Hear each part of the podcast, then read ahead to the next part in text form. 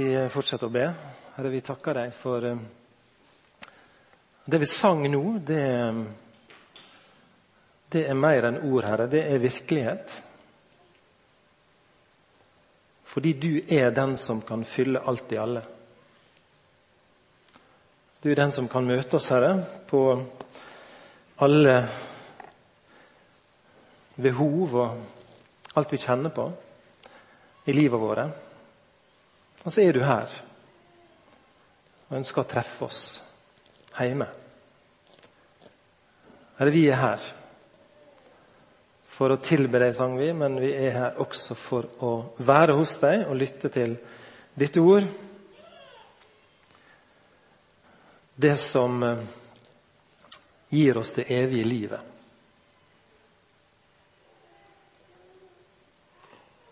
Velsign fortsatt formiddagen i ditt navn. Amen. Fikk ei utfordring før eh, sommeren fra noen ungdommer, så jeg skal eh, på Lagshuset, som det heter, på fredag.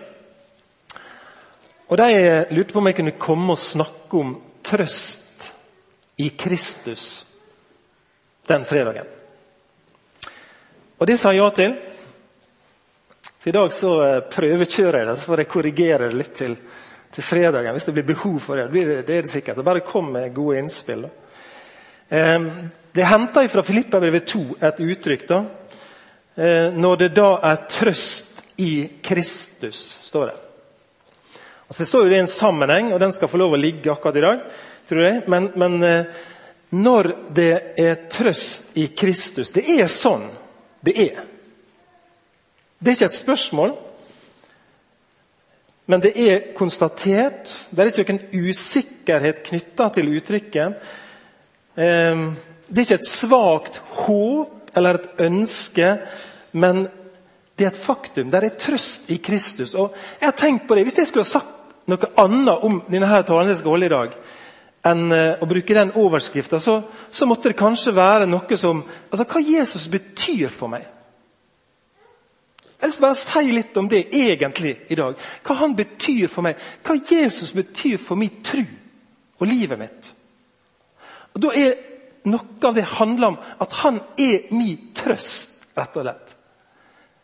Og Nå er ikke nødvendigvis så fryktelig fryktelig lei meg hele tida. da. for det er kanskje det vi tenker at da trenger vi trøst. Da. Men han er mitt trøst og mitt håp i denne verden. På et utrolig djupt plan. Um, hva slags trøst er det i Kristus? Det er et nærliggende spørsmål å spørre det. Hva slags trøst tilbyr Kristus oss som moderne mennesker? Som bor i en by eller på landet, som er unge eller som er eldre. Hva er det Kristus kan møte oss med? Og da har jeg lyst til å besvare det spørsmålet med noen K-er. Det er noen K-er som um, eh, kan gi svar på det. Og Den første K-en som handler om trøst, kanskje ingen overraskelse, men det er korset. Min trøst, eller den trøst som Kristus gir meg, den ligger i korset. Fordi korset er min eneste trøst i forhold til frelse og tilgivelse. Det fins ingen annen trøst. Du kan ikke hoste opp noe annet enn det som gir oss skikkelig trøst. Når Jesus henger på korset, så ber han Far, tilgi dem, for de vet ikke hva de gjør. Dette blir regna for Jesus sitt første ord på korset. En snakker ofte om at Jesus talte, hadde sju ord på korset. og Et av de ordene var at han ba om at Gud skulle tilgi disse her bødlene soldatene som korsfesta han. Og En som heter Hans Erik Nissen han har skrevet i en bok det er fullbrakt. Ved å korsfeste Guds egen sønn har de nettopp begått sitt livs største synd. sier han. De har begått sitt livs største synd. Og så ber Jesus mens han henger der Far, disse folka her som har begått sitt livs største synd, du må tilgi dem. Du må gi dem nåde. Og Jesu bønn på korset da, det forteller oss to ting. To viktige ting. For det første vi trenger tilgivelse. Vi trenger tilgivelse. Og Ikke bare disse her karene som korsfester Jesus, men alle mennesker har et behov for tilgivelse. Mennesker imellom og i vår relasjon til Gud. Det er umulig å bli født inn i denne verden uten å komme i den situasjonen, står det i Guds ord, at du ikke har synda. At ikke du har bomma på et eller annet, gjort noe galt imot Gud som gjør at du får behov for tilgivelse. Vi har et behov. Alle har synda, står det, og er uten del i Guds herlighet. Det er det ene bønna forteller. Vi trenger nåde, vi trenger tilgivelse. Og det andre er, og det er jo det som er så flott å kunne fortelle i formiddag, det at det, det er håp om å få sånn nåde. Fordi Jesus ber 'Far, tilgi deg'. Og da tenker jeg på Det det er en trøst for meg å vite det når disse her som korsfesta Jesus, når de som tok livet av Jesus når Jesus kunne tenke tanken om at det er tilgivelse for disse menneskene, her, da er det håp for meg og deg. Det er tilgivelse å få for oss mennesker. Og så er jo Bibelen full av historier mennesker, om mennesker som på ulike måter kjenner det. Gud, i møte med deg så trenger nåde. Gud, i møte med deg så trenger tilgivelse. Og Der er noen som er mer kjente enn andre. og vi, vi bruker av og til David som et eksempel. Kongen som hadde mord på samvittigheten. Kongen som eh, hadde ekteskapsbrudd på samvittigheten. Løgn og bedrag. Altså Han hadde alle disse her vonde tinga. Og så opplever han eh, at når han ber om nåde, så får han det. Og Så er det ulike beretninger i Bibelen om det. Eh, det at Jesus tilgir, er min trøst. Det at Jesus tilgir, er mitt håp. Når jeg kan tenke på mine feiltrinn, mine synder eh, Da kan jeg prøve å, søke trøst hos meg sjøl. Og så kan jeg prøve å søke trøst i sånn sammenlignende synd. på en måte. Det er vi kjempegode til. Kjempegode til å forsvare våre egne synder med å sammenligne oss med andre og synes at vi kommer ok ut i forhold til mange andre. Men når jeg spør det nærgående spørsmålet hva syns Gud om det, det er det eneste som kan gi meg trøst og ro og fred, det at Han tilgir mine synder. Når jeg lurer på hvordan kan jeg være et Guds barn Når jeg syns at jeg oppfører meg dumt, når jeg har gjort ting som jeg tenkte det var jeg ferdig med, og kjenner på smerte i mitt eget liv over å skuffe mennesker og Gud, så kan jeg lure på hvordan kan jeg vite at det er tilgivelse å få. Jo, det er korset som er min eneste trøst. Det er ikke noe annet. Og Derfor vil noen svare hva betyr korset for deg? Hva betyr Jesus for deg? Så noen sier det betyr alt for meg. Og Det kan høres litt sånn floskelaktig ut, men egentlig så er det så sant. Altså Hvis du fjerner korset fra mitt liv, så fjerner du selve grunnen i livet mitt.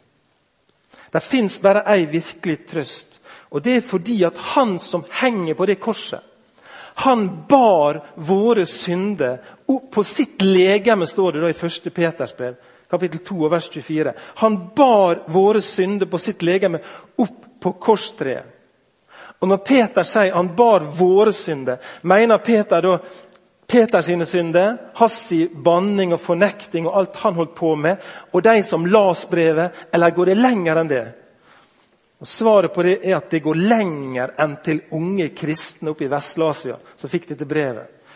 For Johannes skriver i sitt brev han er ei soning for våre synder. Ja, ikke, ikke bare for våre, men for hele verden. Sånn taler Guds ord.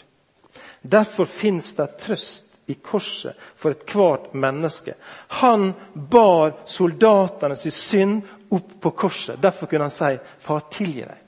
Han bar Davids synd opp på korset. Og Noen opplever det kanskje ubehagelig og kanskje til og med upassende når de sier at Jesus Kristus bar Anders Behring Breivik sine synder opp på korset.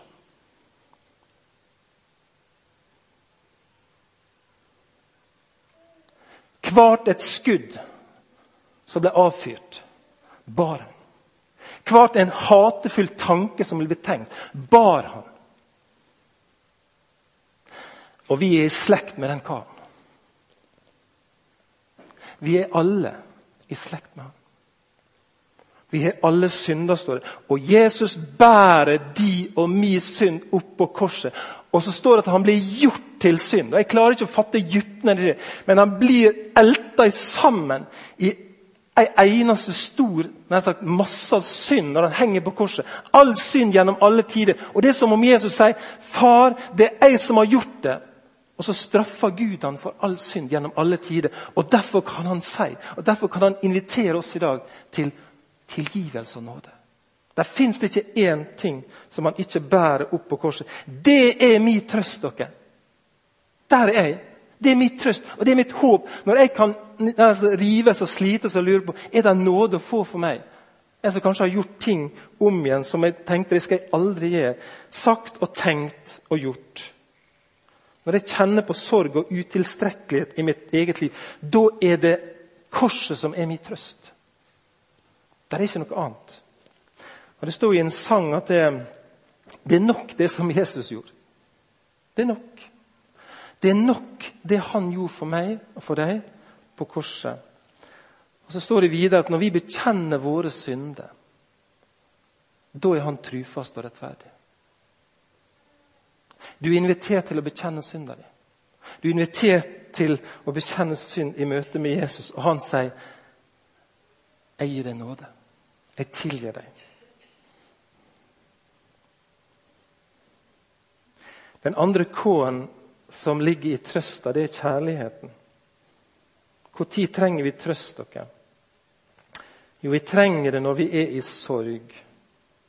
Vi trenger det når vi gråter. Og vi trenger det når vi kjenner på angst og kjenner på nakenskap i livet vårt. Vi trenger trøst. Et lite barn trenger trøst. Og vi litt godt voksne trenger trøst. Og den som er gammel, trenger trøst i livet vårt. Og Det er et avsnitt i Guds ord som beskriver sterkere den trøsta som ligger i kjærligheten eh, knytta til Kristus, enn kanskje noe annet avsnitt, sånn som jeg opplever det. Det er et avsnitt som sier noe om den trøst som det ligger i Kristus og i kjærligheten. I Romerbrevet 8, fra vers 35. Hvem kan skille oss fra Kristi kjærlighet, spør Paulus. Hvem kan skille oss ifra Kristi kjærlighet? Nød, angst, forfølgelse, sult, nakenskap, fare eller sverd. Paulus ramser opp sju på en måte krefter som virker på livet vårt utenfra. Ting som vi har erfart i mer og mindre grad. Og Så spør han om det kan skille oss ifra Kristi kjærlighet. Og fortsetter. Det står skrevet For din skyld drepes vi dagen lang. Vi regnes som slaktesauer. Men i alt dette vinner vi full seier ved Han som har elsket oss.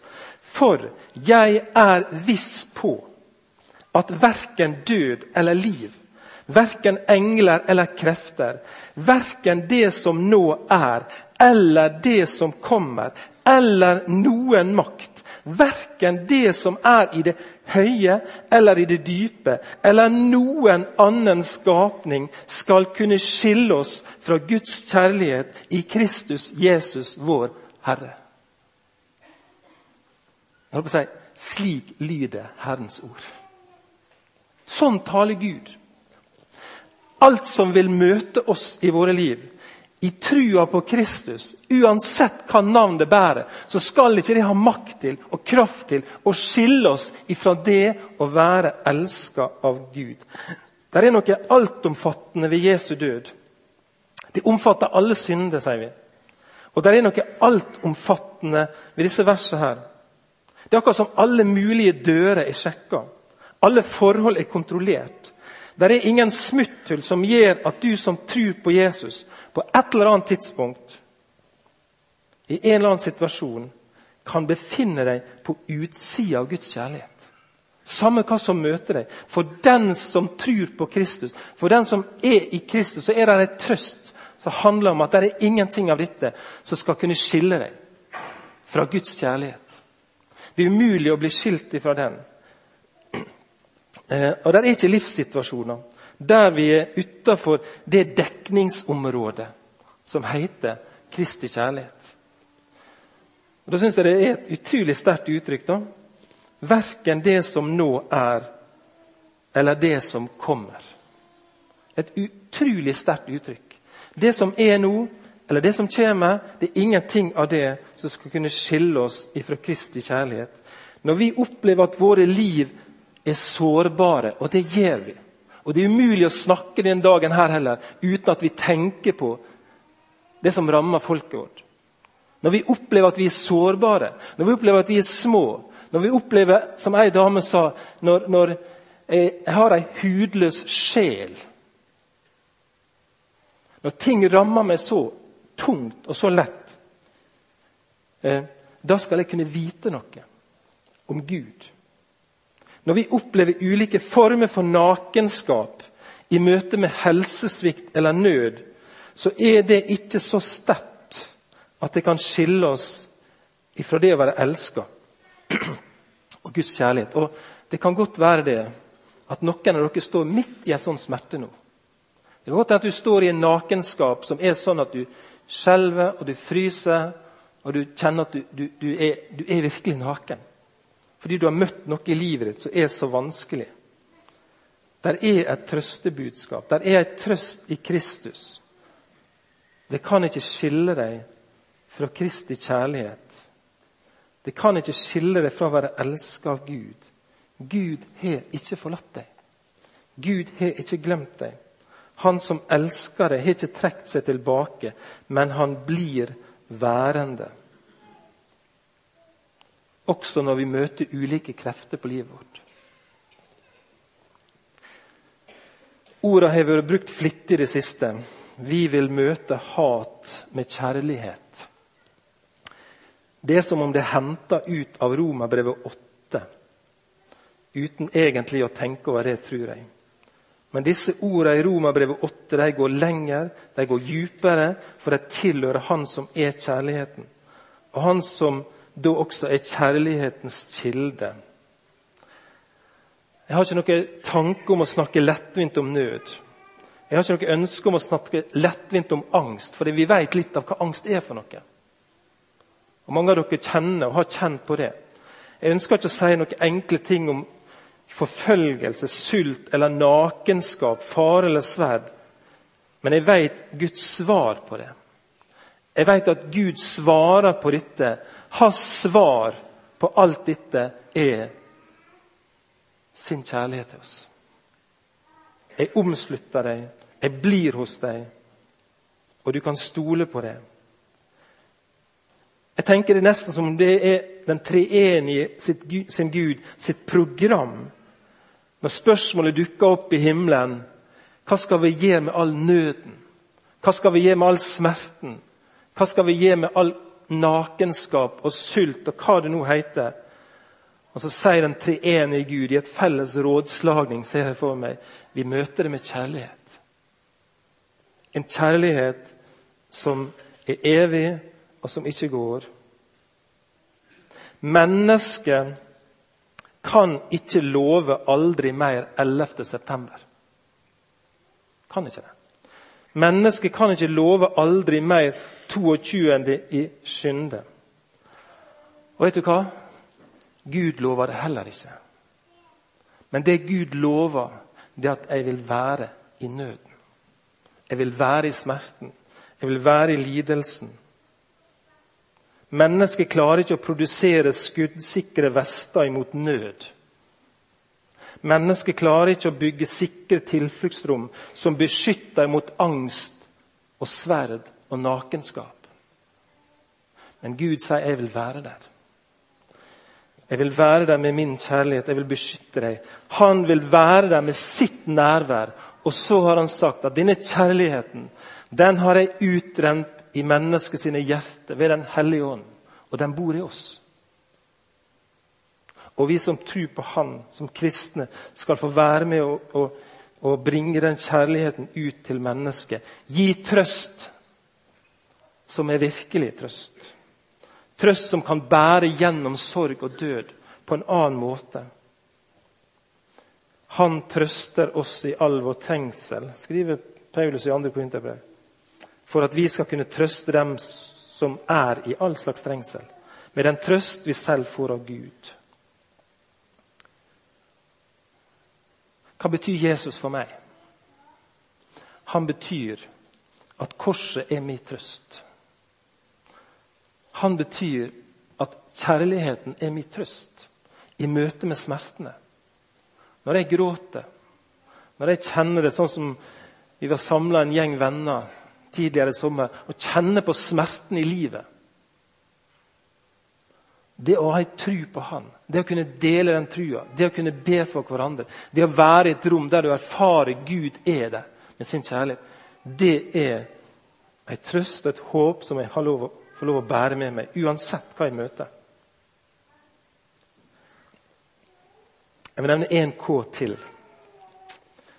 som handler om trøst. Og Det er, en, det er en, noe som jeg kjenner på er ei, ei, Jeg vet ikke helt hvordan jeg skal klare å, å forklare det. Fordi at det handler om ei trøst som jeg på mange måter, når jeg skal være ærlig, må si dette har jeg mer eller mindre teoretisk forhold til. Det er mer eller mindre teoretisk. Fordi det handler om forfølgelse. Det handler om lidelse. Eh, psykisk og fysisk lidelse fordi jeg tror på Jesus. Og Det er mange som opplever det. Utrolig mange mennesker opplever det. Og Det finnes sterke ord i Bibelen også om det. Eh, til menigheten i Smyrna det står i Johannes' åpenbaring, kapittel 2, vers 10. Vær ikke redd for det du skal lide. Djevelen kommer til å kaste noen av dere i fengsel for at dere skal settes på prøve, og i ti dager skal dere lide vondt. Vær tro til døden, så vil jeg gi deg livets krone. Den tredje K-en, det handler om krona. Og ikke den norske, som er av og til sterk og av og til svak. Men den handler om livets krone. Dvs. Si et symbol på det å gå inn i det evige livet. Å være der Jesus er i evigheten. Eh, Kirkehistorien vår er full av mennesker som har opplevd lidelse og forfølgelse. Og som samtidig har funnet sitt eneste håp og sin eneste trøst i Kristus og håpet om livets krone en gang. Når en opplever forfølgelsen og smerten, så er det håpet som ligger der og lever.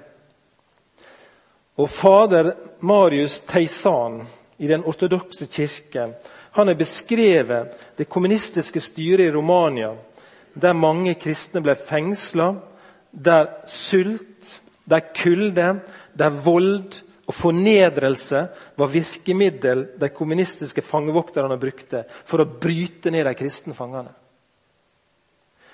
Men, sier han, fengselet kan ikke fange evigheten.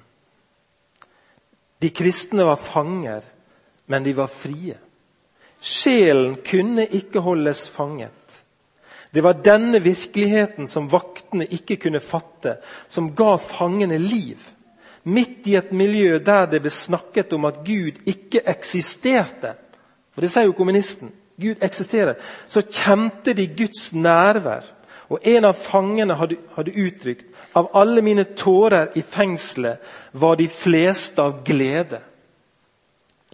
Og Flere beskriver tida i fengselet som sitt livs lykkeligste øyeblikk. Og vi fatter ikke, vi skjønner ikke dypnen i det. Men de opplevde Guds nærhet mer intenst enn noensinne noen gang. Midt i smerter, midt i forfølgelsen, så levde de et håp. Og midt i det var Kristus deres eneste trøst. Det var ikke noe annet å lene meg på. Og så sang de 'We Shall Overcome'. En drøm om å overleve og inn til det som Bibelen taler om livets krone. Det er trøst i Kristus. Og så sier Bibelen det. At alle som vil leve et gudfryktig liv i troen på Jesus Kristus, skal bli forfulgt. Så det. Og Jeg kan bare snakke for min egen del, men jeg kjenner at jeg er litt redd for Jeg skygger litt unna smerten. Jeg vet ikke om dere har det. Jeg skygger litt unna det å skulle oppleve å bli ledd av, håna, Spotta for at jeg tror på Jesus. Jeg kjenner at det, er en feighet i mitt eget liv.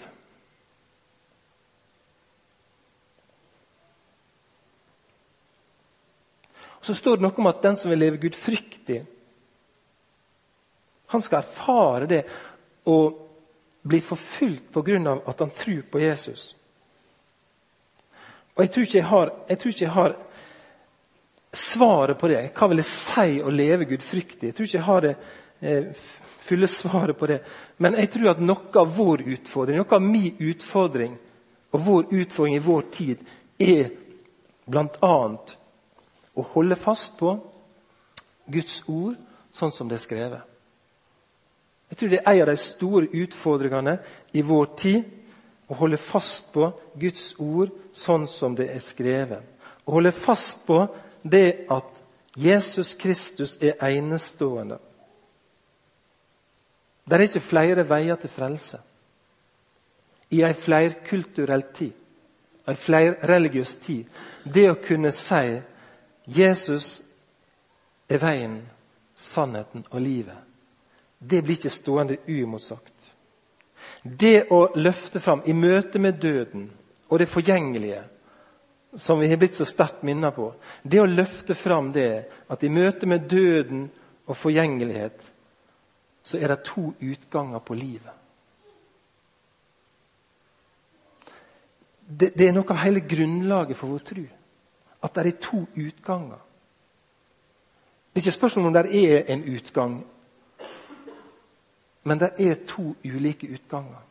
Og den fører til, for å si det veldig kort Enten fører den til at mennesket går inn til evig trøst.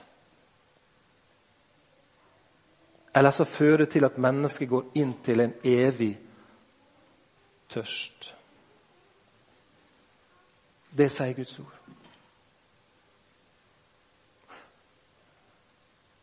så vet vi, at, vet vi at Jesus tørsta for at vi skulle få trøst dere. Men han døde på korset. Det å leve med en tydelighet, det å våge å si det er noe som er rett, det er noe som er sant, det er noe som står i Guds ord. Med all den ydmykhet vi trenger, og varhet vi trenger, likevel løfte fram og si slik sier Guds ord. Og det å trøste seg til noe annet det å skjule det, at livet er to utganger, det blir ei falsk trøst. Der er trøst i Kristus. Der er det. Det er min trøst. Det kan høres veldig enkelt ut. En mann på 50 år som sier at 'min trøst, det er Jesus'. Men, men det er sånn det er. Og fjerner jeg Han, så um, har jeg ingenting som kan trøste meg i møte med min synd, i møte med smertene som vi møter i livet, som, som kan gi en trøst som virkelig trøster meg, eller i møte med døden og forfølgelsen, der det er bare én som kan gi meg et håp, og det er Jesus Kristus. Hva betyr Jesus for deg? Kanskje er det det det handler om. Og Hvordan kan vi formidle denne Jesus videre? Det er trøst hos han, og det går an å søke han denne dagen. Og Så er det litt rart å tenke på lille Anna Eline. Hva som er hennes trøst? Hva er hennes trøst? Gode foreldre. Det er jo fantastisk. Jeg har fått hilst på besteforeldre. Fantastisk. Oldeforeldre. Masse trøst. Tante og onkler. Men djupest sett er også det lille barnet sin eneste trøst i dag det er Kristus. Det er han som gir håpet, det er han som møter med nåde. Herre, jeg, vil at, eh, eller jeg ber om at vi kan få lov til å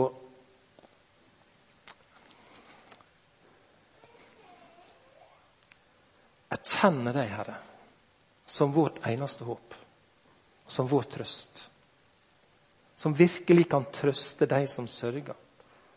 Som virkelig kan mette den som svelter virkelig kan tenne håp til de som kjenner på sorg og håpløse. Og Du ser alle mennesker i Norge her i dag som sørger på ulike måter. Jeg har bare lyst til å be Herre om at noen mennesker kan søke deg nå. Spør etter deg, Herre, i lys av dette forgjengelige livet som vi lever. Der vi sakte blir nedbrutt og må møte døden på et eller annet tidspunkt. Og få sette sin lit og sin håp og sin trøst til deg. Jeg ber om det. Og så ber jeg, Herre, for alle våre søsken kanskje 100, kanskje 200 millioner kristne som i dag må betale en pris fordi de tror på deg. Herre, vær hos deg. Vær deres trøst og vær deres håp. Noe som overvinner alt. Jeg ber om det i ditt navn. Amen.